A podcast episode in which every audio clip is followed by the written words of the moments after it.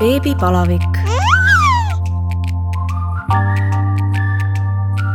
tere tulemast kuulama Õhtulehe podcasti Beebipalavik. mina olen saatejuht Katariina Toomemets ja täna on minu külaliseks Dana Suun-Jantson, kes äh, mõni aeg tagasi paljastas Facebookis väga avameelselt, et äh, tema kahe lapse teekond siia ilma ei ole olnud just väga kerge. tere, Dana! tere!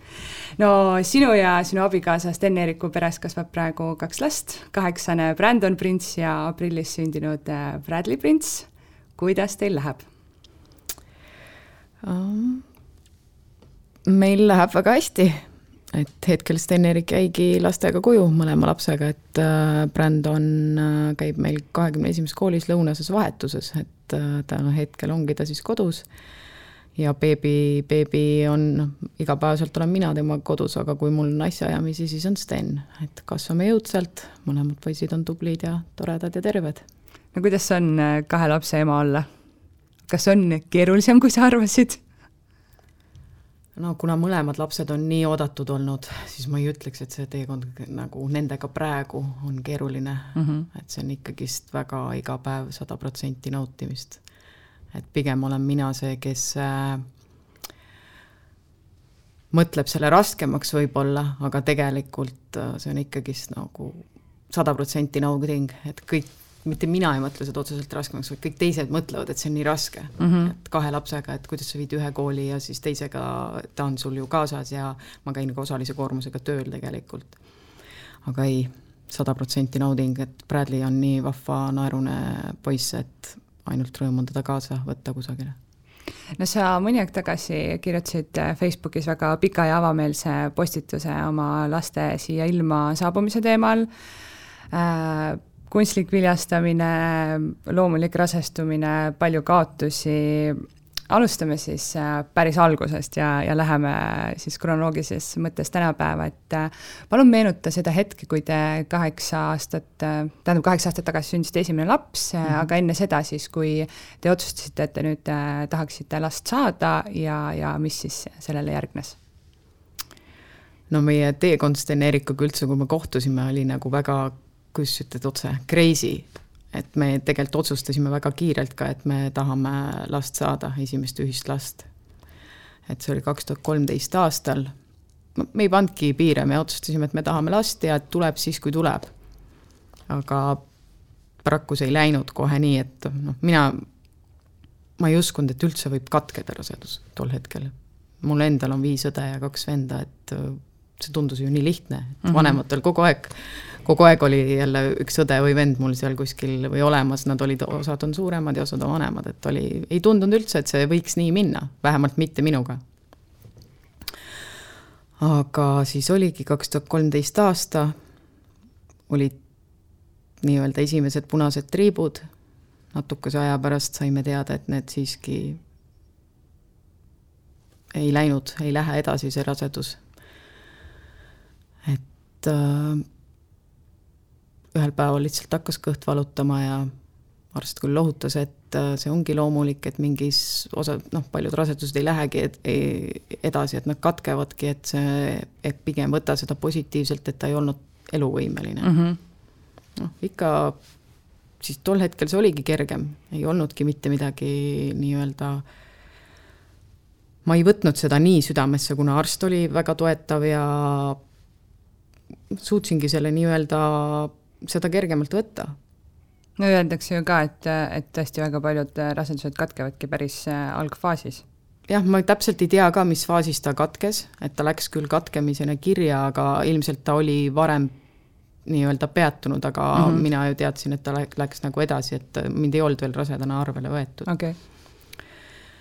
et Äh, aga siis tuli teine katkemine siis ma olin juba, mul oli isegi selline kartus, et ma ei, ma mäletan seda päeva, mul hakkas kõht valutama, me olime tol hetkel, elasime, ma ei tea, miks, me elasime üürikorteris siinsamas lähedal. ja siis äh, ma ei julgenud isegi Sten-Eerikule helistada. mul oli tol päeval külas minu väik-, noorem õde, kõige noorem õde. ja ma ütlesin talle ainult, ma ei öelnud talle, mis on juhtunud. ma ütlesingi talle, et palun pane riidesse, et me peame minema ühte kohta ja siis ma helistasin oma arstile ja ta ütles, et tuleks kohe sinna. aga sinna jõudes siis selgus, et enam ei ole ka midagi teha mm. -hmm. et eks need kaks, kaks korda olid väga-väga rasked. kas sa siis teinekord juba noh, said aru, et, et nüüd on samamoodi läinud? Mm, jah, kuna tegelikult hakkas juba, kõhuvalu oli tugev ja hakkas verejooks mm. -hmm. aga nüüd ma, ma ütlen ausalt, ma ei mäletagi täpselt, kumb oli kumb, igal juhul ühel korral ma olin neist äh, et see oli peale Brandonit, kui ma olin ka haiglas, ma pidin ikkagist loomulikul teel välja enam ei tulnud.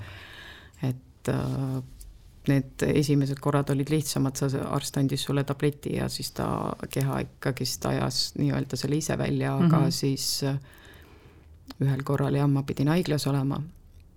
aga kõige raskem oli nendest katkemi-, katkemistest ma ütlen, neid on nii palju olnud, et ma eile ennem püüdsin meenutada, milline on täpselt nendest see kord oli, kui me olime Sten-Erikuga tegelikult, ei, see oli enne Brandonit see oligi see teine kord ikkagist. me lendasime, mul hakkas verejooks, aga mul, minu arst ei öelnud mulle, et see on tegelikult katkenud, ta ei tahtnud mulle seda tol hetkel öelda, ta tahtis, et ma nagu seediks seda natukene. ütles, et me pidime järgmine päev reisile minema. ja ta ütles, et mine, mine reisile, et see ei, see ei muuda nagu midagi, noh, ilmselgelt ma sain juba aru, et see mhm. on tegelikult läinud pahasti aga ma ei, ikkagist igas naises on ilmselt see lootus, et noh, natukene verd võib olla mm -hmm. ja, ja et ei ole kõige halvem.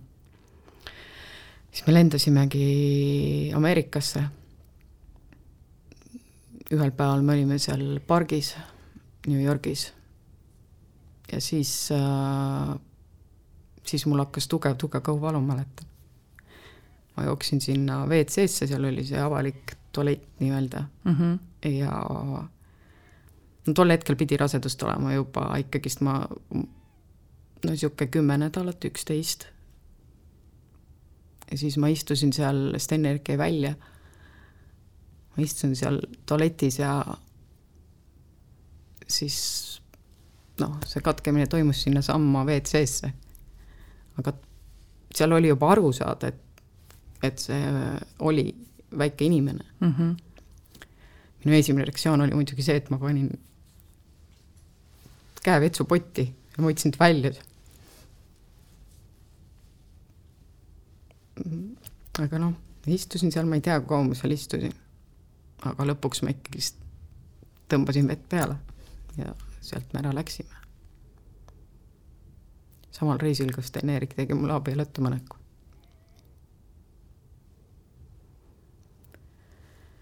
et need olid need kõige, kõige nii-öelda algus, aga ka siis kolmas kord oli õnnestus. et kui nüüd edasi minna, siis ka ennem Bradley't oli kaks nii-öelda katset IVF-i, mis ei õnnestunud ja Bradley oli kolmas et enne Brandonit oli siis kaks katkemist loomulikul teel ja kolmandaga siis õnnestus, ma olin küll nii-öelda riskirase ja jälgimise all, aga ma võtsin seda küll, ise võtsin väga rahulikult, ma käisin viimase hetkeni tööl. ja noh, ma ei saanud seda rasedust ka nautida, sest et ma ju kartsin iga mm -hmm. hetk, et ta võib minna pahasti. aga samas ma tundsin tol hetkel, et äh, ma ei teinud rasedustesti. ma lihtsalt üks hommik, tean, ma tõusin voodist püsti, ma käisin WC-s ära ja ma läksin, tegin magamistoa ukse lahti, ütlesin, et Sten-Erik, ma olen rase siis ta vaatas mulle otsa, et no ta vaataski päriselt nagu, et ma vist olen äh, täitsa hulluks läinud, et kuidas sa nüüd nagu läksid vetsu, tuled tagasi, sa isegi ei teinud rasedustesti mitte midagi, on ju. ta ei, meil ei olnudki seda kodus mm, -hmm. aga ei, ma tulin sealt välja, ma mäletan, ma vaatasin talle otsa ja ma ütlesin, et ma, ma tunnen, et ma olen rase, et seekord läheb kõik hästi. siis ta ütles, et okei okay,, aga helista arstile, pane aeg, et lähme teeme siis äh, uuringud ma helistasin arstile, meil, mul on väga tore nii-öelda naistearst, kes on siis kõik see teekond minuga kaasas käinud, ka Bradley selle hetkeni, kuni ma erakliinikusse pidin pöörduma. tema soovitaski sinna pöörduda. ta võttis mu kohe vastu, võttis vereproovi, noh, ta ei hakanud mind ultraheliga vaatama, ta ütles, ärme sellega riski praegu, ärme tee mitte midagi, et võtame mm, -hmm. teeme vereproovid ära ja ma helistan sulle kohe, kui vastused tulevad. ja ma läksin samal päeval, ma olin ühte kaupluste juhataja, siis ma pidin samal päeval olema ühes kaupluses tööl, asendama kedagi hilja õhtul, ma mäletan, kaheksa aeg tuli see kõne sama naistearst helistas mulle, Sten-Erik tuli selleks hetkeks, just ta oli seal, ta oli mul kõrval. ja ta ütles, et jah, et sa oled rase. see oli küll selline moment, et noh, sa ei suutnud seda uskuda, aga sind valdas sees õnnetunne, aga välja ma seda nagu ei julgenudki näidata mm, -hmm. sest sa ei teadnud, jällegi sa ei teadnud, kuidas see läheb. aga õnneks kõik läks, rasedus oli väga äh, väga kerge oli see rasedus. ja ta lõppes ikkagist õnnelikult. Brandon on, ma ütlen, ta on imeline laps, kelle me küll peale pikka sünnitust, mis lõppes ka lõpuks keisrilõikega, kuna ilmselgelt minu ja Sten-Eeriku pikkuses on viiskümmend viis sentimeetrit vahet ja laps oli väga suur, et kahjuks ma teda loomulikult veel sünnitada ei saanud. kui suur ta oli? Brandonil kolm tuhat üheksasada viiskümmend kuus ja viiskümmend kolm sentimeetrit pikk, et äh, ma küll proovisin ise, ma olin ju ikkagi see, et äh, minu õed on sünnitanud ise, minu ema on sünnitanud ise, miks mina ei saa ise sünnitada, on ju, ma tol hetkel ei mõelnud, miks, miks, miks see oluline on, et minu abikaasa nüüd pikk on mm, -hmm. et ei ole ju. aga oli kakskümmend üks tundi, proovisin ise sünnitada ja siis tuli ämmaemand ja ütles, et midagi on pahasti, et äh, tegid looteveed lahti ise. panid äh, nii-öelda andurid Brandonile mm -hmm. pähe, et kuulata, kuidas tema, tema seal sees ennast tunneb, aga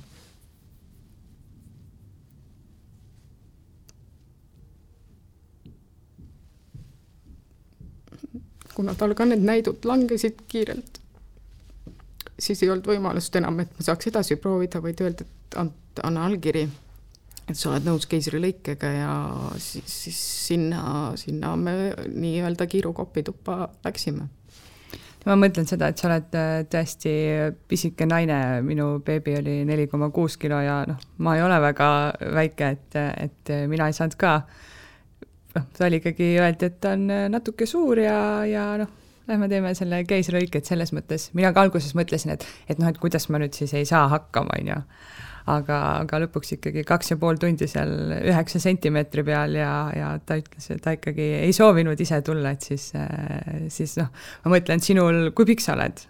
meeter viiskümmend üheksa. no neljakilost ikkagi noh, kannatab ja tõesti, kui teid Sten-Erikuga vaadata, siis, siis see pikkusvahe on, on tõesti päris suur, et et ma kujutan muidugi ette, et, et see oli päris, päris raske naisele ju ka, et noh, et kuidas ma nüüd ei saa hakkama, eks ju.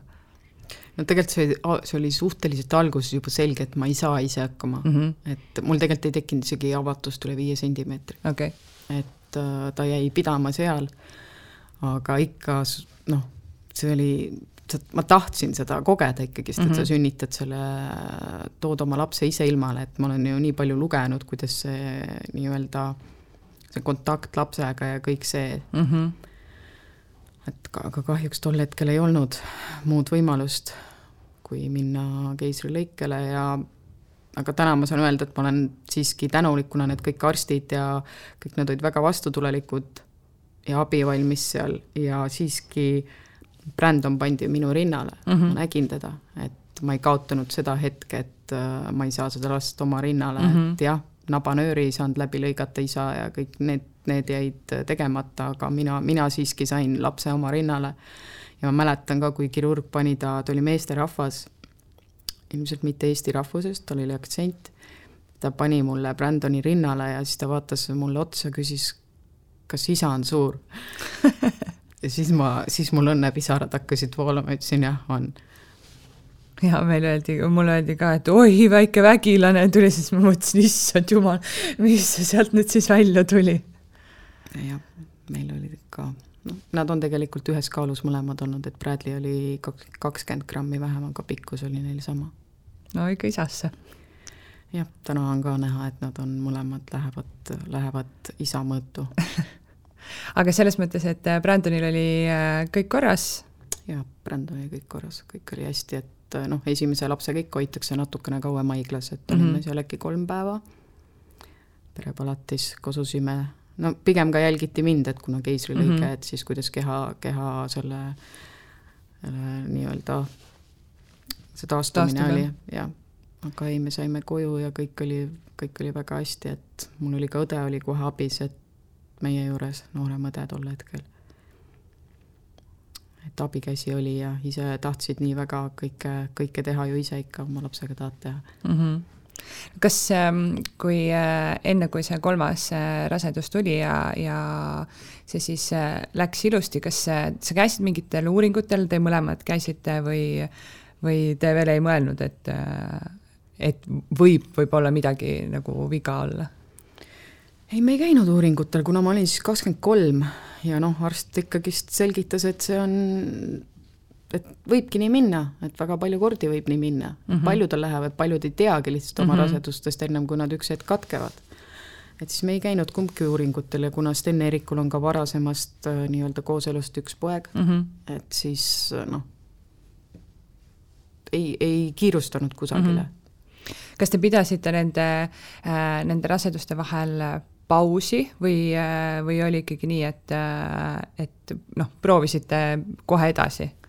No me otseselt ei proovinud edasi niimoodi, kõik läks nagu loomulikult ja arst ütles, et kohe ei tohi uuesti rasedus mm, -hmm. keha peab äh, taastuma, et aga tegelikult need toimusid ikkagist väga väikeste vahedega mm, -hmm. et noh, kolm kuud olidki vahet iga nendel nii-öelda katkemisel ja uuesti rasestumisel, sest see äh, Äh, suurem katkemine oli juulis ja novembris ma jäin siis rasedaks mm, -hmm. see, mis, mis jäi pidama. kuidas see teie omavahelisi suhteid mõjutas? Kas äh, tegi teid lähedasemaks, äh, tuli mingeid selliseid, ma ei tea, ma ei taha öelda nägelusi, aga, aga tekitas võib-olla pingeid või, või just ikkagi pigem, pigem on see, et, et lähendab mm,? me oleme Sten Eerikuga selles suhtes hästi erinevad inimesed, et tema tahab palju rääkida, aga mina sulgusin endasse mm, -hmm. et see mhm. oli kindlasti, ma ei tea, noh, ma täna saan öelda, et oli natukene, et ikkagist äh, vaadates äh, seda kogu protsessi, et kui sa, mida rohkem sa räägid, siis tegelikult on, ta ju ikkagist lähendab inimesi mm. -hmm. aga tol hetkel mina sulgusin endasse, ma ei rääkinud sellest üldse. siis, kui ma olin seal äh, erakliinikus Viimsis Fertilitases, kui mul loomulikul teel see nii-öelda välja ei tulnud ükskord, siis Sten tuli ka sinna, ta tahtis rääkida, aga ma olin täiesti, ma ei, ma ei, ma ei julgenud rääkida. nagu ma ütlesin ka, et ma ei julgenud talle isegi tegelikult helistada ja öelda mm, -hmm. et äh, ma ilmselt on pahasti läinud. no mis äh, tundeid see sinus äh, endas tekitas, kas sa, ma ei tea, süüdistasid ennast, et noh, naistel hormoonid, äh, kõik, no igasuguseid mõtteid tuleb pähe ju, ma ei tea, mingi mm, hakkad mõtlema, et äh, ma ei tea, kas ma jõin selle klaasi veini nüüd äh, valel ajal ja kas asi on selles, ma ei tea, jooksin maratoni, noh, mis iganes. või ikkagi sa maratone ma jooksen aga jaa, ma süüdistasingi ennast, sellepärast ma ei tahtnud ka Sten Eerikuga rääkida, sest ma kindlasti ei süüdistanud teda mm, -hmm. et äh, see süü oligi minus endas ja siis ma ei, ma ei rääkinud sellest mitte kellegiga. Ma ei, ma ütlen, ma ei rääkinud isegi tegelikult, arst üritas minuga rääkida, et see ongi loomulik ja kõik, aga jaa, ma kuulasin ta ära, noogutasin kaasa, aga mm -hmm. see enesesüüdistamine ikkagist käis väga pikalt.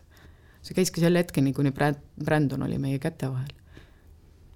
et siis sa said sellest nagu lahti lasta kas, kui sa nüüd tagantjärele mõtled, kas äh, oleks võib-olla pidanud midagi tegema teisiti, rääkimagi Sten Eerikuga või ma ei tea, kas või mõne terapeudiga?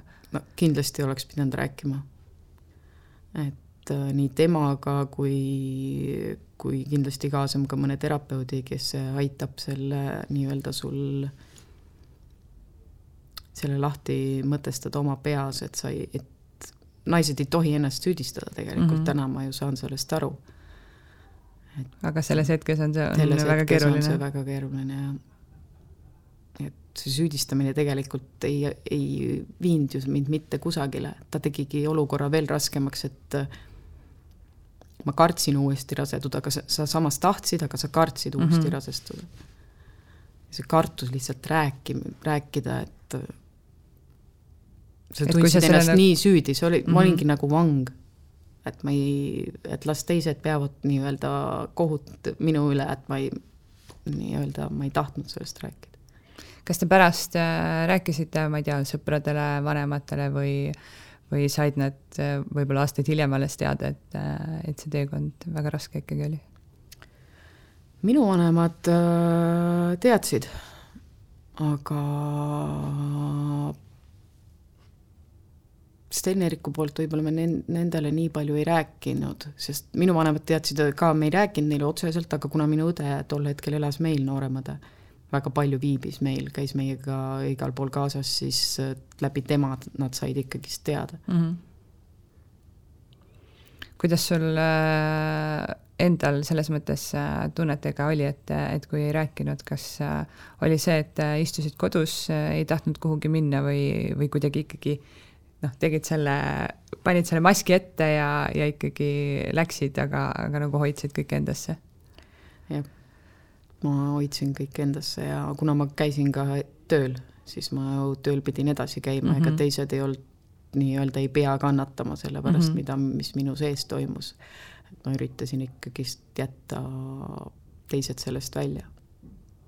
kui äh, Brandon sündis, äh, kuidas siis pärast seda oli, kas äh, julgesid teda kellelegi üldse anda, et noh, ma kujutan ette, et kui sa oled last äh, nii kaua oodanud ja, ja sellise tee läbi käinud, et siis on selline ema lõviinstinkt, et, äh, et äh, mina üksi tean kõige paremini ja, ja noh, võib-olla, võib-olla ei tahagi, ei julgegi anda seda nagu vastutust edasi.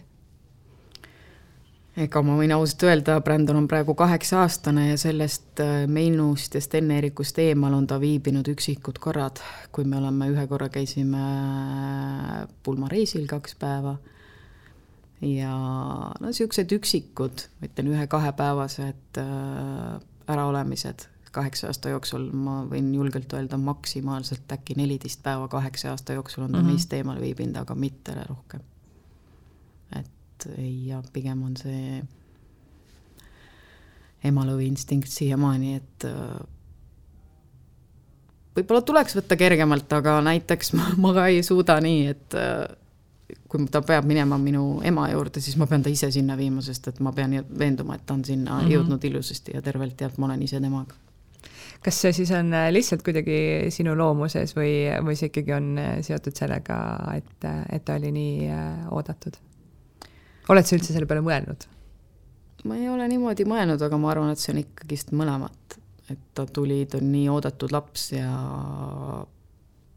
ja ka see, et minus on seda ema, ema nii-öelda instinkti võib-olla, ma ei saa öelda, et rohkem kui, kui mm -hmm. kelleski teises on ju, et iga, iga naine, see on erinev kõigis mm, -hmm. aga minus on ta kindlasti selles suhtes, et ma hoian, võtan seda ema rolli väga tõsiselt. kuidas teil äh, siis kasvamine läks? oli selliseid keerulisi hetki ka, magada öösel ei saanud? Ma õnneks saan öelda, et mõlemad lapsed on väga rahulikud olnud. Brandon oli natukene elavam kui äh, Bradley praegu, esimesed viis kuud, neli pool kuud on olnud. aga muidu oli ikkagist väga-väga-väga kerge, et kaheksa aastat on olnud, võrreldes, kui ma vaatan teiste lapsi, kuidas on, küll tulevad hambad, siis on gaasid, et Brandonil oli, üksikud ööd olid kui äh, tal midagi tegi, siis kas olid hambad või olid gaasid, pigem olid tol hetkel hambad, ma mäletan, et me Sten-Erikuga, meil on kodus niisugune, me saame käia ringiratast ümber kamina, et ringe teha ja me tegime, kumb rohkem ringe saab teha öösiti, et laps siis äh, nii-öelda magama jääks ja rahulikult ja ma tean, ma tegin sada kakskümmend ringi. et noh, see jäigi kõige rohkem, et ennem kui ta rahulikult magama jäi. et ikkagi pigem läks kergelt? pigem kergelt no milline isa Sten-Erik on? kas äh, kui lapse kätte saite, hakkasite teda uue pilguga vaatama või noh, ma arvan, et see vastus on kindlasti jah, sest et suhteliselt iga naine ikkagi, ma arvan, hakkab oma meest uue pilguga vaatama. loomulikult jah, isana ta on, ta on väga hea isa oma lastele, tahab neile alati parimat.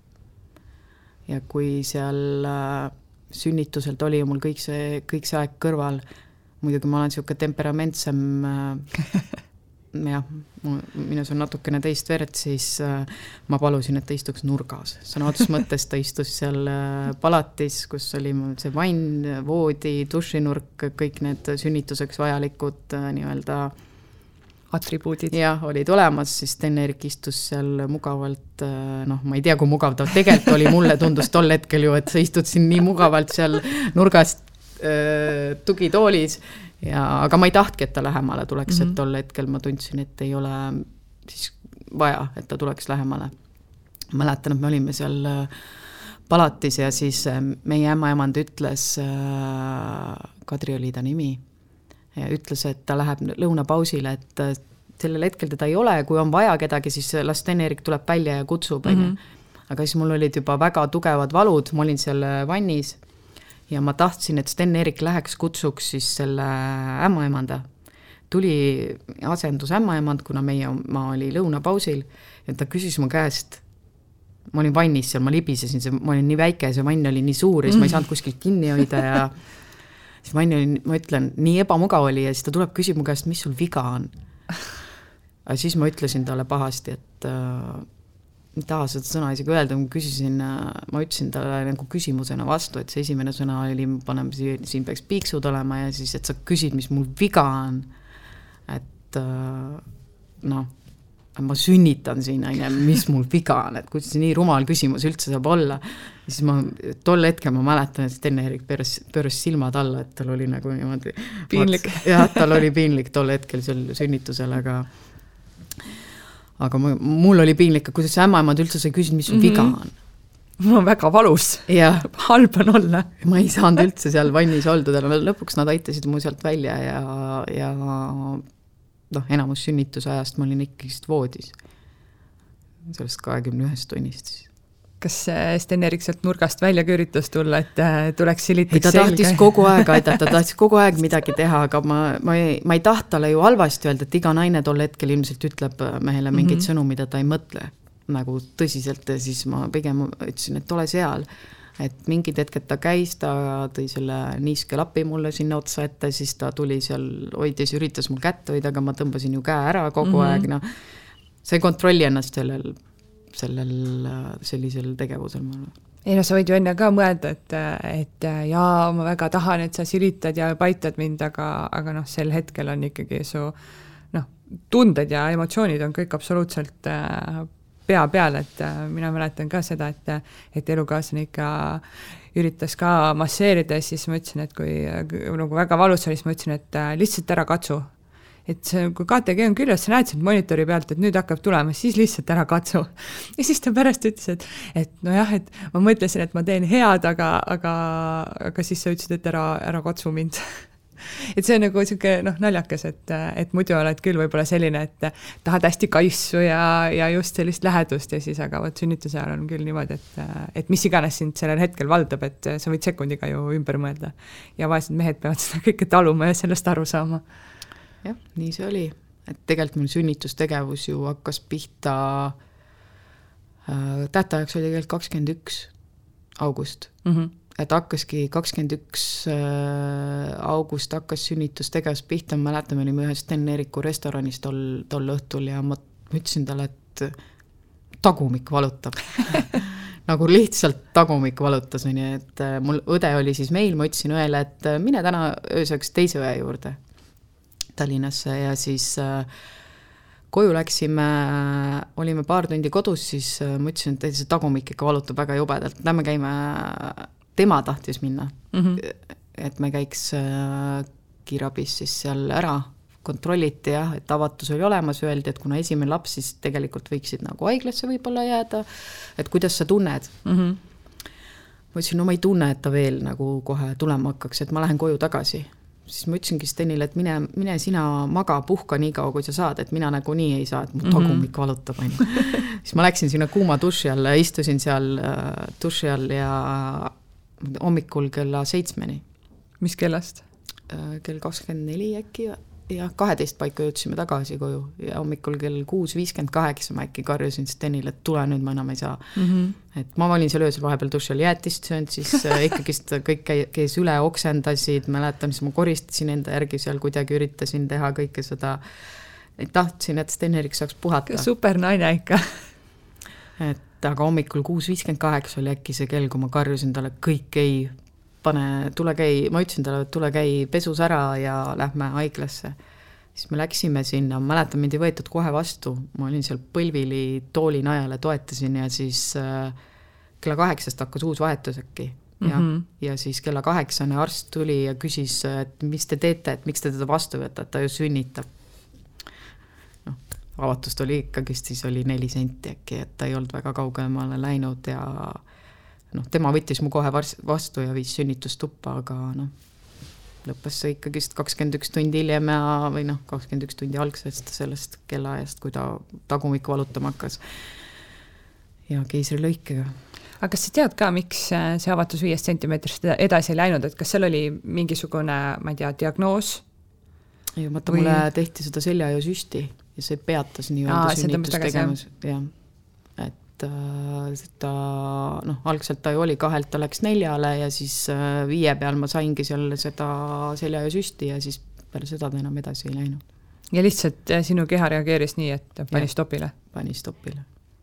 kas pärast seda süsti sa said kuidagi nagu noh, oli selles mõttes parem, et said nagu puhata või, või ei läinud eriti mulle tehti neid süste äkki kolm või neli mm, -hmm. et ehk nad, nad ei aidanud väga et no kuna Brandon oli ka nii suur, siis ta suruski, ta ütles ka arst, et ta surus selle sünnituskanali tegelikult kinni okay.. ta oli vales asendis ka lõppkokkuvõttes okay. ja mu laps oli ka niimoodi, et lõug oli rinnal, et siis sellepärast ta nagu noh, kuna muidu peaks olema niimoodi nagu pea kuidagi üleval, on ju, et et lihtsalt oli oligi lõug rinnal ja siis ta ei saanudki minna lõpuni lahti. jah, meil oli ka ta surus sünnituskanali kinni, et ta ei, ta ei oleks sealt nagunii mitte kuidagi välja tulnud, et mm -hmm. ükskõik kui väga ma seda tahtsin tol hetkel aga ei. ehk ja. siis äh, sina võid võimelda palju tahad, lõpuks ikkagi laps otsustab ise. jah, no ma täna ma ütlen, ma olen käinud kaasas neljal sünnitusel peale enda sünnitusi, et siis äh, mm, võin öelda, et tänu jumalale, et ma ise sünnitama ei ole pidanud sest need ei ole kõige toredamad kogemused, et mis seal pärast lõpp, pärast toimub, kuidas neist kokku lapitakse, et. Äh, miks sa kaasas oled käinud?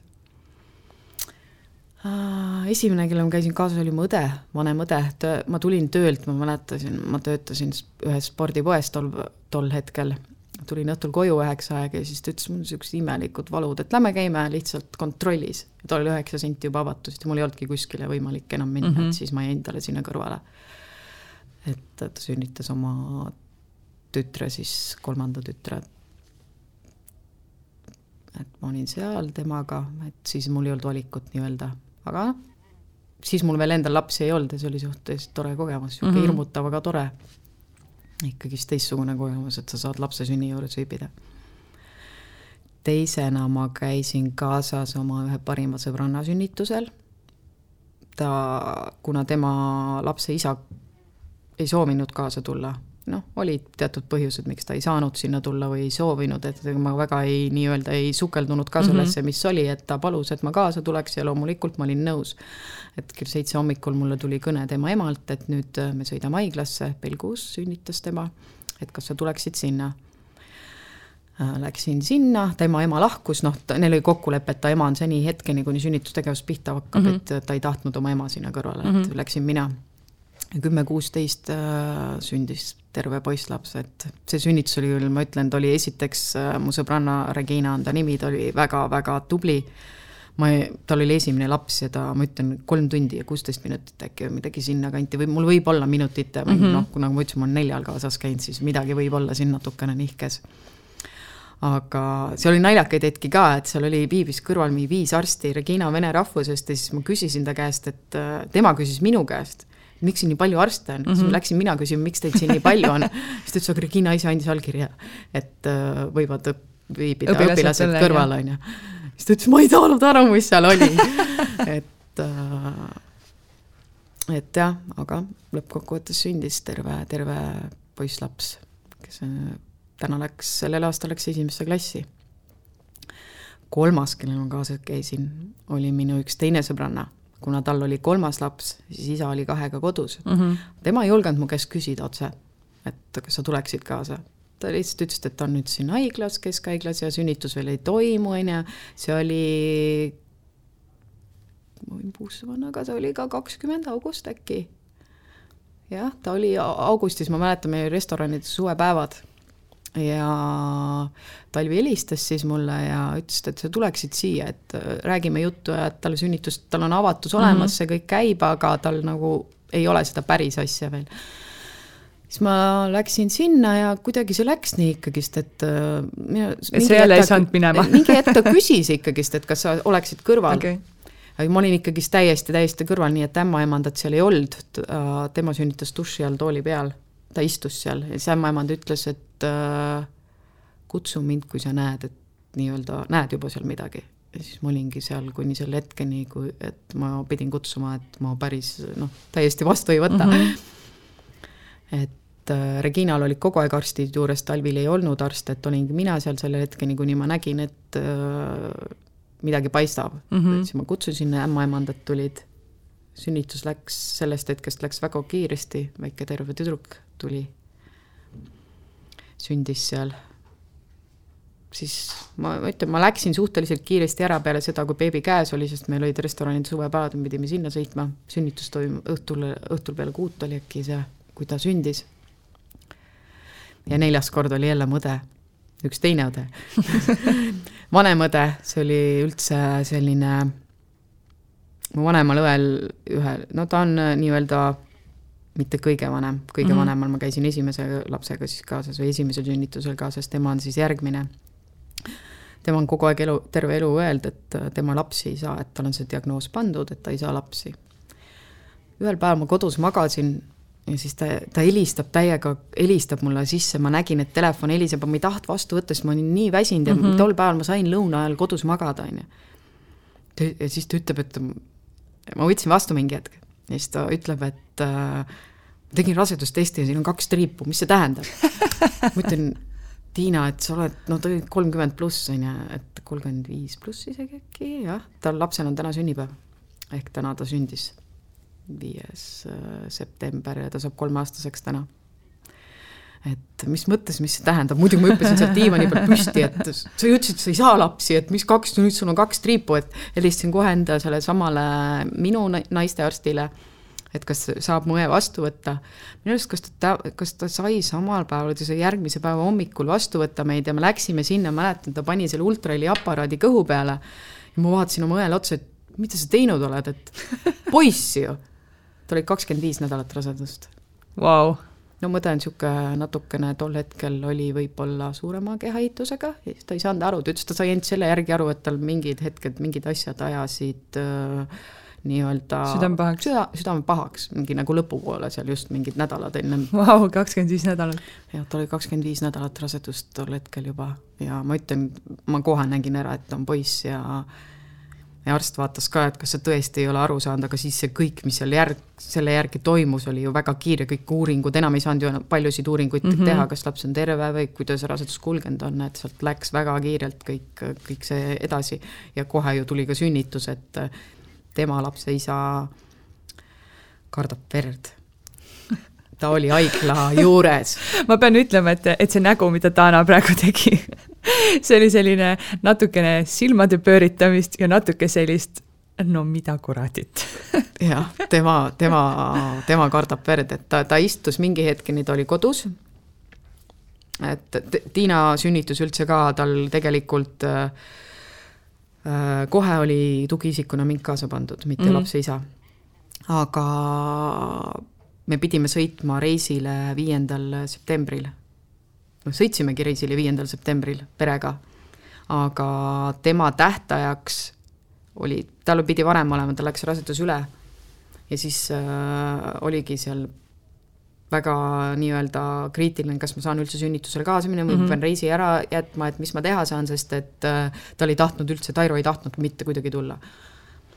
et äh, tal kutsuti kolm päeva äkki esile mm -hmm. tablettidega, et mingi hetk nad peavad ju tableti ära jätma, sest et sa ei saa seda nii-öelda lõpmatuseni, lõpmatuseni anda, on ju, et siis vahepeal me ütleme, käisime haiglast väljas söömas, väljas kuskil, sest tal oli haiglatoitu ei tahtnud enam.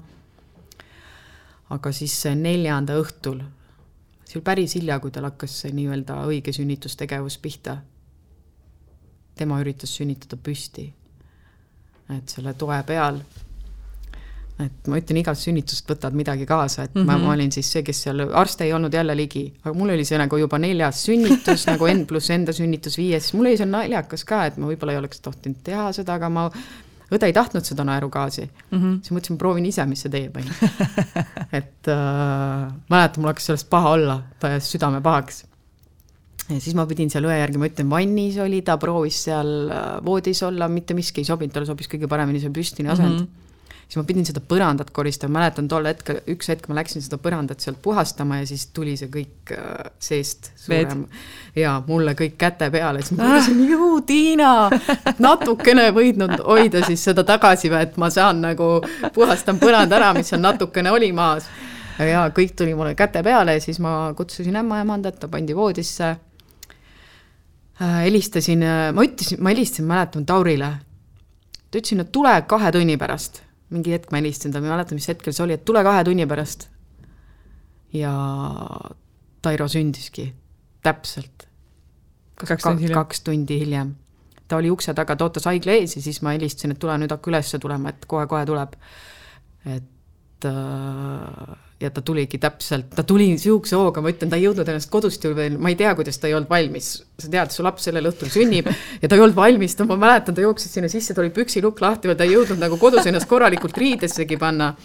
ja siis ta tuli, lõikas nabanööri läbi, vaatas, no me olime seal, ma ütlen, mina tegin juba seal õel, puhastasin otsaeesist, kõik, Tauri jooksis sisse, lõikas nabanööri läbi.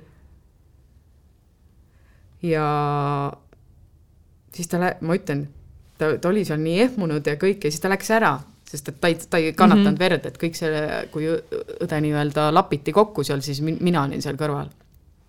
pärast jäi siis tema ikkagist, et äh, see oli väga selline ekstreemne sünnitus ja napp, et järgmine hommik ma tean, ma tulin haiglasse, no ma olin tugiisikuna ikkagist seal kirjas, ma sain mm -hmm. haiglasse ilusasti ja siis me lendasime reisile, et sain olla veel ikkagist toeks sind võiks ju hakata rentima endale tugiisikuks jah, mul ka siis, kui ma seal õel kaasas olin, siis äh, oli sama ämmaemand, kes on mind seal korduvalt näinud juba, et siis ta ütleski, et ma kutsun, kutsu meid siis, kui on nagu juba mm, -hmm. juba on vaja. et sa juba tead? jah, et ei ole see, et me peaks kõrval vaatama, kuigi mu õde oli nii, tal on ju esimene laps ja üldse ta ei teadnud, et ta rase on ja kõik mm, -hmm. et miks nad ei taha olla siin või ma ütlesin, aga mina olen ja ja siis ta vahepeal tahtis seljaaju süsti saada ja siis ma ütlesin, ei saa sa midagi, et ma ei lähe isegi arsti kutsuma selle jaoks, et kui sa tahad, siis sa saad seda naerugaasi, sest ma tean, et minul see pidurdas ja mm, -hmm. ja ma ju teadsin, et tal tegelikult on kohe-kohe ta tulemas mm, -hmm. et kõik see, et sul ei olnud seda vaja. no ja mingi hetk nad ju enam ei tee ka ja, seda, kui ja. Äh, liiga kaugel on et äh, aga no ma ei andnud talle isegi võimalust tol hetkel, ta küll karjus mu peale mingeid halvemaid sõnu, aga pärast ta ikkagist oli nagu tänulik. ja täna ma saan öelda, et kõikide nende lastega, kelle sünnitusel ma kaasas olen olnud, et see on ikkagist teistsugune side. absoluutselt. et äh, mitte ükski nendest lastest ei ole muidugi mul nii-öelda ristilaps või või, või noh, kuidas sa ütled, on sõbrannade lapsed, aga ma olen ka mõnele, kahele lapsele on ristilaps, et nende sünnitusel ma ei viibinud, aga, aga nendega on eriline side mm. -hmm. väga äge et täna lähengi õhtul Tairo sünnipäevale, et täna ma eile, eile, no täna, täna öösel ta ju sündis, see oli peale keskööd natukene, et kui ta sündis. et läks tänasesse päeva. no kui, ähm, kui siis Brandon oli juba suurem, äh, mis hetkel te otsustasite Steniga, et, et tahaks nüüd äh, teist last saada? No sa ennem mainisid, et maratoni jooksid või äh, mida sa tegid, et kuidas sa mõtlesid, et kas sellepärast katkesid või kõik, aga ma jooksingi maratone tol hetkel. peale Brandonit ma hakkasin suhteliselt kiiresti tegelema spordiga. minu suureks eeskujuks olid Steni ka nii-öelda üks parim sõber ja tema, tema elukaaslane et nad käisid kogu aeg, jooksid, me käisime nendel ju kaasas maratonidel, see tundus kõik nii äge, mõtlesin, nemad jooksevad, ma tahan ka joosta ja siis mm -hmm. ma mhm. hakkasingi jooksma. ma mäletan, ma sain tegelikult haiglast välja ja, ja viiendal päeval, kolm päeva olid haiglas ja viiendal päeval ma läksin tegelikult juba jooksma peale keisrilõiget. et mu keha taastus väga hästi ja kõik mm -hmm. oligi väga, väga hästi. ja maratonid läksid mul ka noh, hästi selles suhtes, et äh, mu isiklik äkki oli kaks tundi ja viiskümmend kuus minutit ja see oli väga halbades tingimustes joostud. ja aga siis ma, ma ei hakanudki pille võtma, ei ma võtsin mingi hetkeni, aga siis ma loobusin ja me noh, me saimegi aru, et me tahame saada mingi hetk ju teist last mm -hmm. ja mhm. et ma ei taha seda oma kehale teha, et ma niigi mm -hmm. teen sporti on ju ja kõik, kõik see muu. et tuleb siis, kui tuleb. et et äh, aga siis ma ütlen, siis tuli see koroona peale ja mul spordiga nagu see motivatsioon langes, sest et ma olin nii, nii hästi treeninud. mul oli tõesti, ma jooksin trennis isiklikku poolmaratonis trennis, et mis see võistlusaeg siis oleks tulnud, et mul oli väga noh, ühe tugeva Eesti naissportlasega treenisin koos ja aga siis, kui jäid need maratonid ära ja ma mm -hmm. otsustasin, et ma jätan ka jooksmise nii-öelda ära ja lasen oma kehal puhata ja proovime keskendume siis lapse saamisele. aga siis jälle olid need äh, tribud ja noh, siis ei läinud üldse need rasedused nii-öelda väga, jah ja siis mul arst soovitaski äkki uurida, et miks, miks see on niimoodi läinud. Siis me pöördusimegi erakliiniku poole, Novavita. meile mõlemale tehti uuringud, aga siis tuligi vastus, et Sten-Eerikul on kõik korras, mida mm -hmm. me ka e e arvasime, et temaga on kõik korras, et aga minul olid kilpnäärme näidud olid paigast ära, mis on ka tihtipeale see, et miks rasedused katkevad varajases faasis okay. naistel, et ongi üks suurem, üks suuremaid, äh, nagu ma aru saan, olen saanud, et ongi põhjuseid, kilpnääre on noh, näärmel on noh, näidud on paigast ära. ma sain küll kohe ravimid peale, tabletid, et see näid korda viia, aga aga siis tol hetkel me isegi ei kaalunud enam loomulikul teel proovimist, et me jäimegi kohe sinna Novavitasse jah me jäime sinna, aga ega nad kohe selle protseduuriga nagu, sa pead ikkagist mingi aeg neid rohtusid võtma, tehti mm -hmm. veel mhm. uuringuid. ja mäletan, Sten käis veel mingeid uuringuid tegemas, noh, meestel käib see ikka lihtsamalt, siis ta tegi seal oma protseduurid teatud ära ja mm -hmm. mind uuriti edasi ja mina pidin ju hakkama enda sees äh, kasvatama munarakke mm. -hmm. et äh, tegelikult see kõik käis väga, väga kiirelt, et novembrikuus me seal käisime. See oli siis kaks tuhat kakskümmend novembris äh,? ei, kaks tuhat äh,, oota, praegu on kakskümmend kaks, kaks, jah, see on kakskümmend, jah, novembris ja ka eelmise aasta sünnipäeval, mul oli märtsis sünnipäev, siis mul oli, munarakud olid sees, et me kasvatasime neid mm. -hmm et ma tean, ma tegin oma sünnipäeva niisuguse, või kutsusin ka end parimad lähedasemad sõbrannad ja noh, sõitsin linnast välja. Et äh, noh, kui me teada saime, et minul see kilpnäärahaige on, siis on ka ju Eesti riik toetab, kui sul on vastunäidustus, miks sa ei saa mhm. loomulikul teel lapsi, et siis tegelikult meile see kuidas ma saan öelda siis täna, et ilusasti öelda, et Bradley Prince ei läinud meile rahaliselt maksma mm -hmm. midagi, et et ainult see noh, külmutamine, et need seemnerakud seal külmutatakse mm, -hmm. et see alla saja euro oli see summa, et see, see läks. Aga see oli ka väga väike, ma ütlen, isegi vähem, sest et see raha kanti sulle tagasi, kui noh, sa, katse õnnestus, on ju, ja mul polnudki rohkem, ma saingi kolm, kolm nii-öelda saadi seemnerakku, mis viljastusid ja mis olid elujõulised mm. -hmm tegelikult äkki oli neid isegi neliteist, mis minult saadi munarakke. ma lugesin su postitusest kuusteist. neliteist, kuusteist jah, kuusteist pigem. ma vaatasin neid pabereid järgi. Kuusteist, aga nendest siis elujõulised ja mis viljastasid, oli ainult kolm mm. -hmm. et äh, siis neid kasvatati viis päeva kat-, nii-öelda katseklaasil. ja siis külmutati ära et see oligi ju märts-aprill ja esimesed katsed olid mul seal juuni-juuli. siis juba siirdati, eks? jah, siis siirdati. kas noh, see ju see kunstlik viljastamine ei ole ka selles mõttes äh, kerge, et sa pead ikkagi tõesti seal äh, ennast äh, süstima kindlatel kellaaegadel iga päev tükk aega, et kuidas teil see osa käis, kas see oli kerge, see kindlasti ei olnud, aga, aga kas see oli nagu pigem väga keeruline või, või selline üleelatav?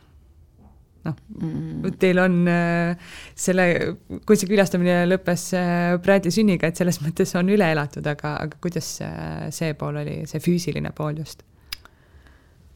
no täna ma vaatan sellele tagantjärgi, siis see, see ei tundunudki nii, nii eks need süstimised olid ikka rasked, kõik mõtlesid või küsisid mu käest, kuidas sa suudad ennast ise süstida mm. -hmm. no Sten-Erik pakkus, et ta võib ise mind süstida, kõhtu süstida, et aga ma ei, ma ütlesin kohe kindlasti, et ei. ta aitas mul ravimeid kokku segada, sul oli pidev skeem, mille järgi sa pidid iga päev tegema samal kellaajal, ma mäletan, et ma korduvalt olin ma ju kuskil äh, sellel hetkel kas kliendiga kohtumisel või mm -hmm. olin äh, kaubanduskeskuses ja siis sa võtsid selle oma süstla ja jooksid WC-sse ja siis mm -hmm. oli, inimesed vaatasid, on ju, sind nagu, mäletan, ükskord ma olin Ülemiste keskuses seal, ma ei saanud mujale, WC-d olid kinni ja ma pidin, sul on ikka peas, et sa pead minuti pealt ära tegema mm -hmm. selle.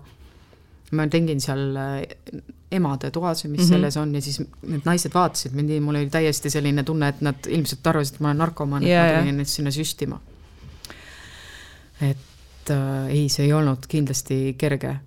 et ja kui palju sa neid erinevaid äh, teed hommikul, teed lõunal, teed õhtul, süstid äh, ennast, mu kõht oli mingi hetk oli täiesti, sellest ju rohtudest jääb ka niisugune väike muna, et ta ei lahustu kohe yeah. ära, et sa pead seda hõõruma laiali või nagu jah, ja yeah. siis mingi aeg ma tegin alkoholikompressi endale, viinakompressi, et need munakesed ära läheks, ma olen suhteliselt sale ka et äh, siis mul oli, kui ma pikali olin, kõhu pealt täitsa neid äh, munakesi nagu näha mm -hmm. ja sinikad. et pidevalt pidid ju käima verd andmas, äh, tegema erinevaid proove juurde mm. -hmm. et see ei olnud kerge ja kui need muna, munasarjad olid ikkagist väga valusad ju kogu aeg mm. -hmm. kuni selle hetkeni siis, kui neid nii-öelda välja võeti aga need väljavõtmised ka ei olnud üldse ju noh, see muidugi see oli täis narkoosis aga. ta on ikkagi kehale ju ikkagi kurnav. ja ei, see kõik, see hormoonide süstimine, kui palju sa endale hormoone sisse süstisid. et äh, kindlasti ei olnud sellel perioodil ma, mina ise, et ma reageerisingi, ma täna vaatan, et kuidas ma nagu, ma olin väga süttiv pomm mm. -hmm et äh, sa ei pidanudki mulle nagu otseselt midagi nagu halvasti ütlema või tegema, aga aga ma süttisin ja ma tol perioodil ma ikka ütlesin ütlemisi, mida noh, täna ma ei ütleks mm. -hmm. ja eelkõige ma ütlesin neid siis, kannatas Sten-Erik, kes pidi seda kõike nagu mäletame, ükskord olime seal, meil on, mu vanemate lähedal on korter Koerus ja seda ravimit, mida ma süstima pidin, ei olnud ju saada väga Mm -hmm. et mhm. see oli teatud apteekides ja siis minu see raviarst kirjutas ta, et ma saaks sealt selle kätte. Küll toimus kullerdamine ühest teist otsa, otsast teise, et ma saaks selle ravimi õigel ajal.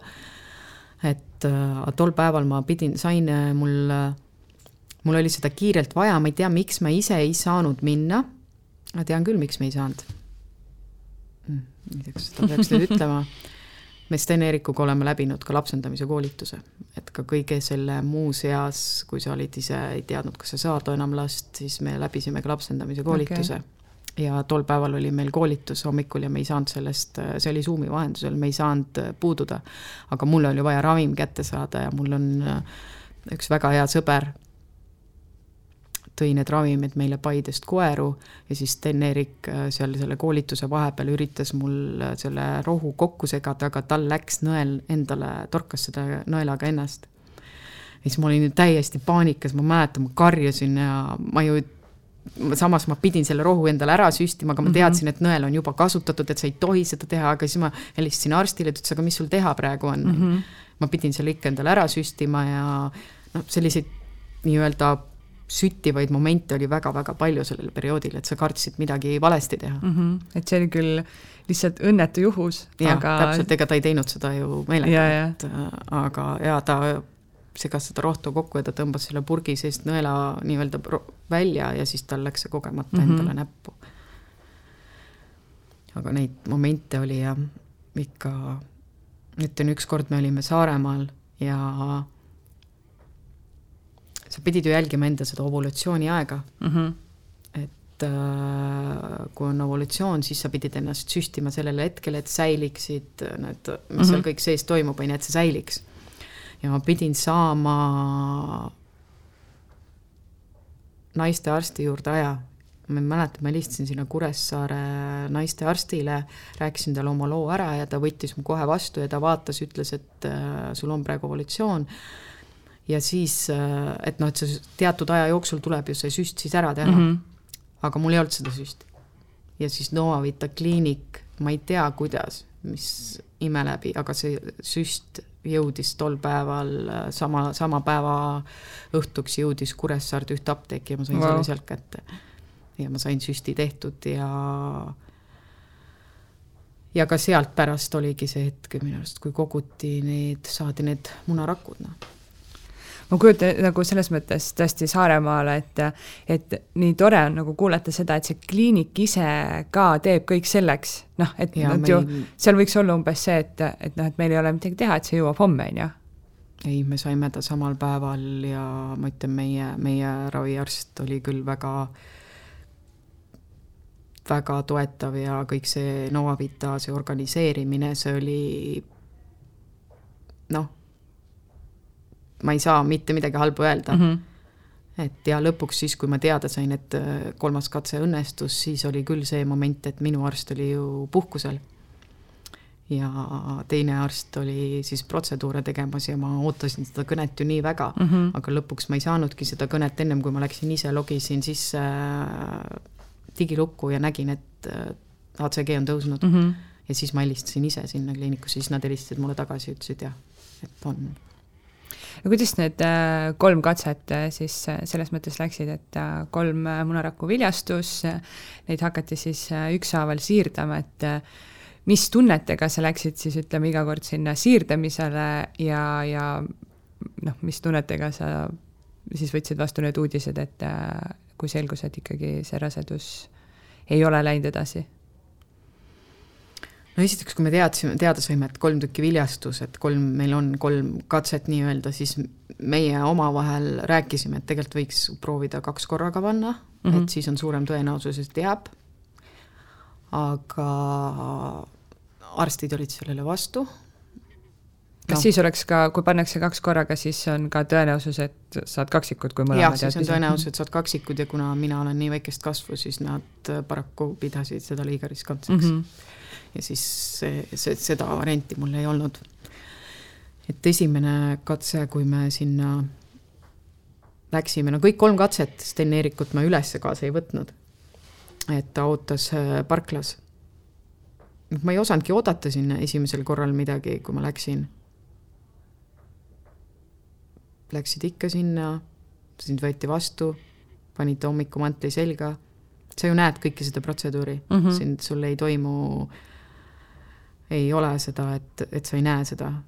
sa vahetad riided, paned kõik oma ehted asjad ära, siis sa ootasid, tuldi, kutsuti sind, läksid äh, nii-öelda kõik naised, kes on naistearsti juures käinud, mm. sellele mm. nii-öelda pukile, ekraanid on sul kõrval ja arst äh, noh, tuleb ka teine arst, kes küsib sinu nime, kontrollib see, ikka mm. sina oled, et õige inimene on see, keda viljastama hakatakse nüüd ja siis sa näed seda kogu protseduuri, kuidas ta viiakse nii-öelda sinu sisse, et ta nagu ujub sinna mm. -hmm. et äh, siis peale seda protseduuri sa pead seal mõned minutid olema pikali ja siis sa saad välja.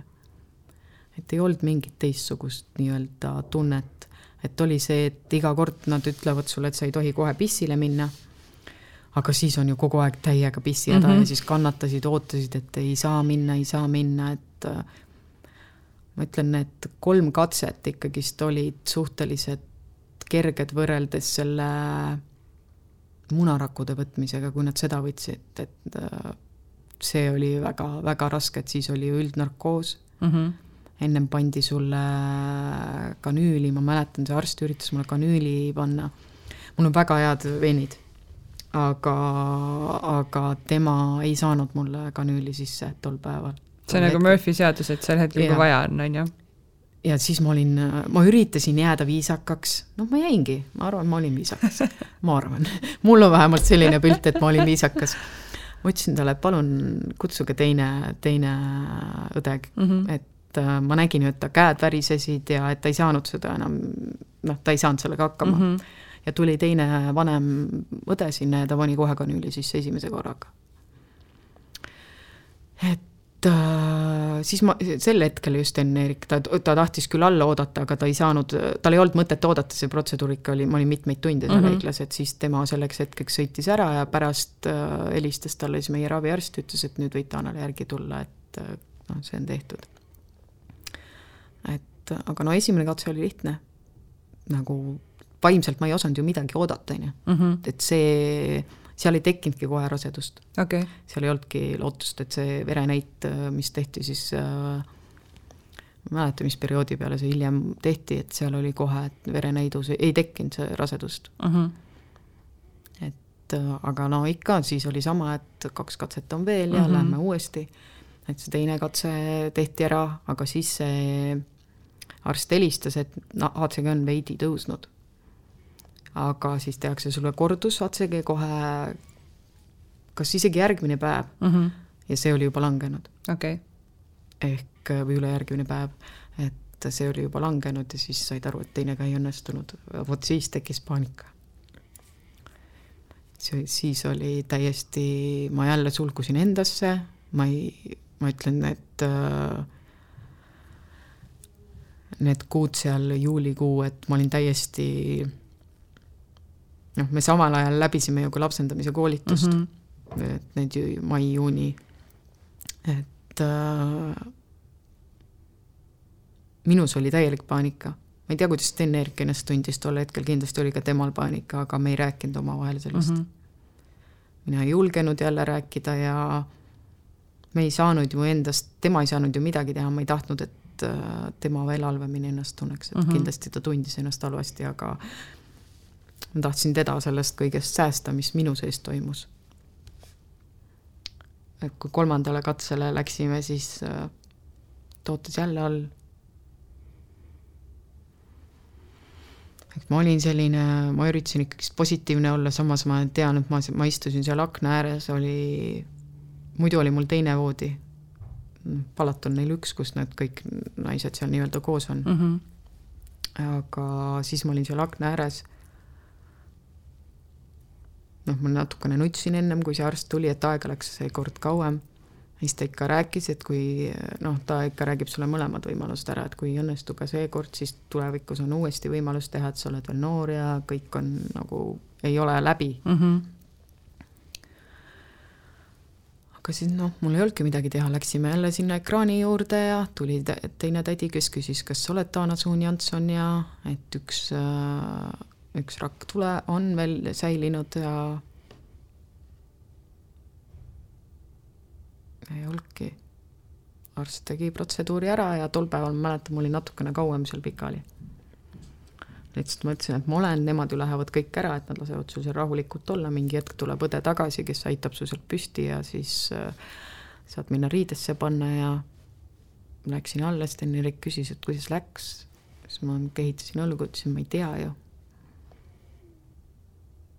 ja siis mõned päevad hiljem tegimegi esimese vereproovi. aga siis oli näit juba väga palju tõusnud.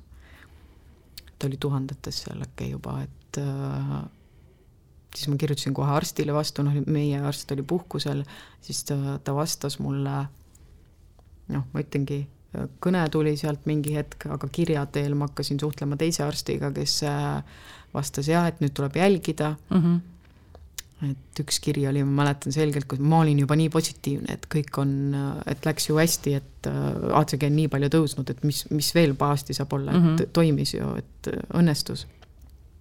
aga siis tema mingi hetk tõmbas mul ikkagist pidurit, sest ACG, ta kirjutas seal kirjas, et ta ei tea, kas seda saab lugeda normi piires, et see tõus on, kas ta on pigem adekvaatne või ta on madal. okei okay.. et ta tõmbas mul ikkagist pidurit tol hetkel. Aga siis äh, oligi, ma tegin iga, kas iga päev käisin, ma käisin seal erakliinikus tegemas neid vereproove. Mm.. ma tegin iga päev uue proovi. Ja siis mingi hetk ta oli ikkagist tõusnud nii palju, et äh, loeti edukaks mm -hmm. ja siis ega sa ei jää enam sinna, sa saad sinna jälgimisele jääda, aga, aga tol hetkel ma ei tea, miks me otsustasime minna minu raviarsti juurde tagasi siis, kes oli mul kogu aeg meie kõrval olnud. Fertilitasse läksime tagasi ja kogu seda rasedust me seal jälgisime, et äh, ma ju süstisin ennast edasi, kuni neliteist nädal ma süstisin ennast kõhtu edasi et pigem, kui sa nüüd küsisid ennem, et süstimised, mis olid rasked, pigem oli see neliteist nädalat peale mm -hmm. seda, kui sa teada said, et sa oled rase ja sa pead edasi süstima ennast. et siis ma ei teadnud, kas sa süstid õigesti ja noh, kuna ma nii salega olin, siis mingi hetk juba oli see, tundsid, et see punju on väike, on ees, on ju. Mhm. no teise lapsega tuleb kiiremini ka ju. et kuida-, kuidas ma nüüd sinna süstin, on ju, et äkki ma teen midagi pahasti, et pigem oli see kartus kogu aeg, et ma ise teen nüüd, rikun jälle mm -hmm. midagi ära ei andnud endale armu ikka? ei andnud, ega ma, eks jah. ma ütlen, täna ma olen ju sellest nii palju kuulnud, sellest IVF-ist, ennem ma ei teadnud just mitte midagi mm. -hmm. et tegelikult meil väga lähedased tuttavad sugulased on ka seda teinud ja ühel tuttaval õnnestus alles peale üheksa, üheksanda katsega äkki wow või oli üheksa ei õnnestunud ja kümnes õnnestus, aga väga-väga palju katseid, et aga on samas on sugulane, kes äh, on teinud kaks katset, tegid ja mõlemad kohe õnnestusid mm, -hmm. nagu kaks last on neil siis kunstliku viljastamise teel ja üks, üks on, sündis loomulikul teel veel, et neil on kolm last. kuidas sul selle, see rasedus äh, kulges siis? Oli äh, selline noh, kindlasti ärevust, hirmu oli, oli mustmiljon. seda oli olid... väga palju, see, ma ütlengi, ma ei olnud mina ise, täna ka ma ei saa öelda, et ma olen päris mina, päris mina ise tagasi. sest ikkagist need haavad, mis, mis tekib selle aja jooksul, kui sa noh, sa oledki, elad selles kartuses mm. -hmm. ja täna ma saan ka öelda, et sellel perioodil, kui ma elasin selles kartuses, siis meile tuli tegelikult me lõpetasime lapsendamise koolituse ja kas te jätsite pooleli või te jõudsite ei, lõpuni sellega? ei, jõudsime lõpuni okay., meile tuli ka kõne, meile pakuti last. see oli eelmise aasta, aasta lõpupoole. ja aga kohe, kui see kõne mulle tuli, ma, me sõitsime samal päeval tegelikult oma lapse nii-öelda ultraalisse, Brandon oli kaasas, istus autos, mina, Sten-Erik, sõitsime Viimsi, et teha see oli mingi tähtsam uuring mm. -hmm. ja tuli see kõne autos ja tolle, meie ei olnud veel teavitanud ametnikke, et ma ise ka beebit ootan mm, -hmm. kuna noh, ma ei, ma isegi, esiteks me ei teadnud, kuna see kõne tuleb ja ma ju ei teadnud, me ei teadnud, kas see rasedus lõpeb mm -hmm. sünnitusega. siis ma ei julgenud ennast sealt nimekirjast ära võtta, et, et see kõne tul-, tulla saaks. aga see kõne tuli ma olin täiesti, ma ütlen, ma olin paanikas ja kõik see korraga, et ma ei julgenud isegi tol hetkel telefonis öelda ametnikule, et ma olen tegelikult ise beebiootel. et see oli detsembrikuus, kui see kõne tuli, ehk siis september üks kuu äh,, september, oktoober, november, ma olin äh, no neli kuud rase mm. -hmm. kui see kõne tuli ja meile lühitutvustus öeldi telefonis ära aga palutigi, et ta ütles, et ta saadab meile e-kirja täpsema, täpsema informatsiooniga. lihtsalt mina, kui selle kõne vastu võtsin ja ta ütles, et see laps, täiesti terve laps, me saame endale lapse, mul oli kohe nii, et muidugi loomulikult, et keegi ei saa teda ära võtta, me saame lapse.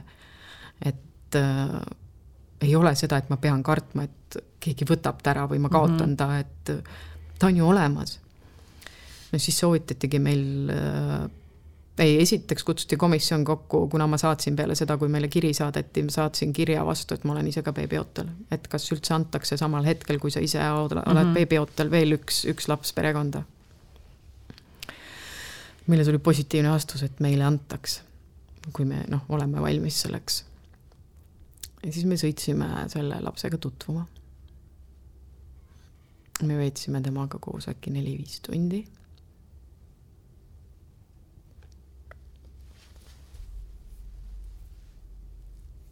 Noh, siis oligi, ma ootasin Bradley't.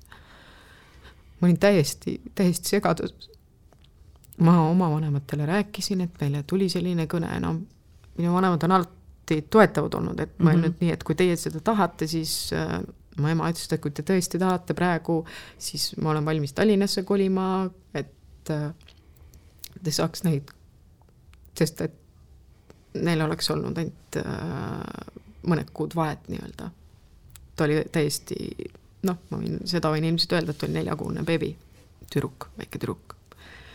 täiesti terve tüdruk, et me käisime, olime temaga koos seal neli-viis tundi ja ma ütlen, ta oli lihtsalt ma noh, ilmselgelt täna ta meie peres ei ela. ma olen täiesti kindel, et ta sai endale väga imelised vanemad. meie siiski otsustasime, no mina ei saanud tol hetkel aru üldse midagi, ma arvan, ma ei olnudki adekvaatne seda otsust tegema, et Sten-Erik pidi selle otsust tegema, et see ei ole õige aeg lapsendada. ja siis me loobusime lapsendamisest, et äh, mina oleks muidugi ta vastu võtnud, aga no see, täna ma ju näen, et see ei oleks olnud äh, õige sellel ajal, kui sul enda laps on ka kohe-kohe sündimas mm, -hmm. et lihtsalt minu, mind valdas see nii suur äh, kartuse tunne, et äkki Bradley ei sünni. ja loomulikult on mul kahju, et me ei saanud lapsendada või me ei olnud valmis selleks, aga kindlasti kunagi on õige aeg et me ei ole, mina ei ole kindlasti seda mõtet maha matnud, lapsendamise mõtet. et see on väiksest peale minu soov olnud, kunagi aidata üht, üks laps ära, et ta ei peaks elama lastekodus. Sten-Erik on ka öelnud, see ei ole ju tema mõte kunagi olnud nii-öelda tema soov mm. -hmm aga kui me sinna koolitusele ennast kirja panime ja meile ametnikud koju tulid, nad, nad käisid korduvalt ju kodus, seda kontrollitakse, et see ei ole lihtne protsess yeah ja nad küsisid ta käest, aga miks sa siis seda teed. ja ta ütles lause, et kui sinu elu armastusel on unistused, siis need unistused saavad ühisteks. ja no ma võin öelda käsi südamel, et me olime esimesed, kes selles grupis lõpetasid ja said paberid lapsendaja, et me oleme noh, lapsendajateks sobilikud. et eks ta oli raske, ma ütlen, see detsember oli väga raske kuu, et me me ei olnud valmis teda lapsendama, täna ma saan sellest aru, et ei olnud valmis. ja ma olen täiesti kindel, et ta sai endale suurepärased vanemad. Täna ma olen õnnelik, et Bradley, Bradley on meie juures.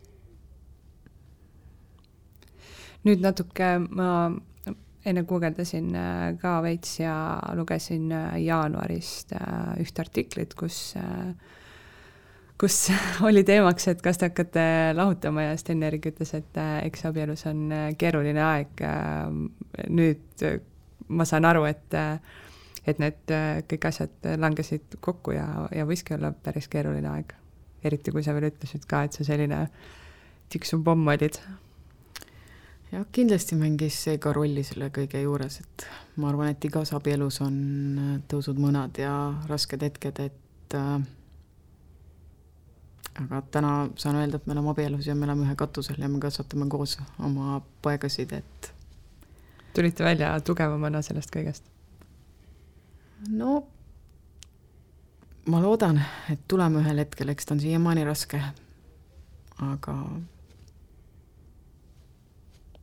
noh, sellest ma ütlen, et eks iga asi jätab elus jälje ja ei ole need lapse saamise teekonnad meil lihtsad olnud. Et see on jätnud, jätnud oma jälje, aga, aga loodame parimat. No kaks äh, väga keerulist äh, teekonda on teil äh, selja taga ja, ja ka siis lapsendamise koolitus. kas te olete mõelnud või arutanud, kas et mis siis on, tähendab, kas te olete mõelnud siis selles mõttes kolmanda lapse peale ja, ja kuidas, et kas veel võtta kunagi see kunstliku viljastamise teekond ette või ikkagi kui te tunnete, et te olete valmis kolmandaks lapseks, siis, siis lähetegi lapsendamise teed? Me ei ole seda täna üldse enam arutanud, et meie lapsendamise nii-öelda ankeet on pandud ju ootele, kuna mm -hmm. oma beebi sündis. ja mina näiteks ei teadnudki, et mis ma sain siis alles äh, peale sünnitust teada, et kui sul on mõlemad lapsed keisrilõikega tulnud, siis sa ei saagi üle kolme lapse, et siis emakas lihtsalt ei kanna enam välja mm, -hmm. et äh, kolmas laps võetakse juba kolmekümne kaheksandal nädalal välja. ja, ja edasi sa, et noh, sul ei olegi naisena võimalust rohkem, see tõmbab ikka ja ma ei olegi mõelnud kunagi, et ma tahaks üle kolme lapse saada mm, -hmm. et äh, ikka mõtled, et ma olen mõelnud, et kaks oma last ja üks siis äh, nii-öelda lapsendatud laps, pluss on ju Sten Eerikule eelnevast kooselust ka Maikel, on ju, kes on äh, nii-öelda mulle kasulapseks, on ju. et äh,, et ei, me ei ole sellele mõelnud noh, võib-olla on äh, liiga vara ka veel, kui Bradley on alles äh, neljakuune, nelja poole kuune. jah, et aga ma ütlen, see ei, ei kipu kiirustama, kuna ma ütlen, see tõmbas ju, eks igal naisel on hirmutav, kui sulle öeldakse, et et sa ei saagi üle kolme mm -hmm. lapse enam. et Bradley sündis ka ju kunstlik, noh, kunstliku viljastamisega, pluss ta siis tuli ju keisrilõikega siia ilma, et ta, teda ei antud mulle isegi võimalust lõpuni kanda, et mm -hmm. kuna ta oli liiga juba kaalu, kaalupiirid läksid katki, et äh, ma tegelikult olin selle hetkeni veel ikkagist mõtestatud, et ma lähen ise sünnitama mm. -hmm. kuni kolmteist aprill öeldi mulle, et homme on keisrilõige. au, au. noh, ma teadsin juba varem, et ta tuleb ilmselt, aga meil ei olnud kuupäeva paika pandud mm. -hmm. aga ta ütles, et kui ta läheb üle kolme koma kahe kilo, siis sul ei ole isegi võimalust. Ja kolmkümmend kaheksa pluss kuus nädal oli kol-, neliteist aprill, kolmteist aprill arst otsustas, et homme hommikul kell seitse sa tuled ja tehakse keisrilõige. ja mis mõõtudega tuli? kolm tuhat üheksasada kolmkümmend kuus. Ah. et ta oleks päris noh, suureks läinud, kui ta oleks, ma saan ta lõpuni kanda mm, -hmm. aga mhm. lõpuni kandmise võimalust ei antud tol hetkel. kas äh, teise keisrilõike puhul oli selles mõttes kuidagi nagu lihtsam, et et sa ei süüdistanud ennast enam nii palju, et, et miks mu keha hakkama ei saa ja kõik need emotsioonid, mis olid äh, esimene kord, sest noh, pole ju midagi teha seda süüdistamist pigem ei olnud, aga ega see ka lihtne ei olnud, et mm -hmm. sa ikkagist läksid hommikul sinna, valmistati sind ette, see oli nagu, ma ei teagi, eks ta ikka on keeruline, sest sa ootad midagi muud, on ju, mhm. aga kuna mul läks ta ka natukene nii-öelda pahasti, mul ei toiminud äh, see süst äh, ka tol korral, et see alakeha ei äh, tuimestus, et esimene lõike tehti ja ma tundsin seda. jah, ja siis äh, mul ei olnud muud varianti, kui äh, ma mäletan, et arst ütles, et tuleb üldnarkoos ja mul hakkasid lihtsalt pisarad voolama.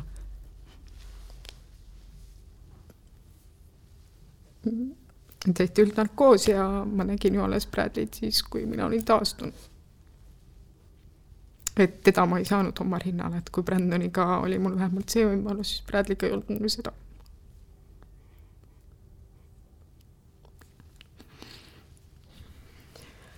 aga noh, täna on ta iga päev minu käte vahel ja sellest, see on ju kõige tähtsam, et ta on terve ja, ja ta on meil olemas.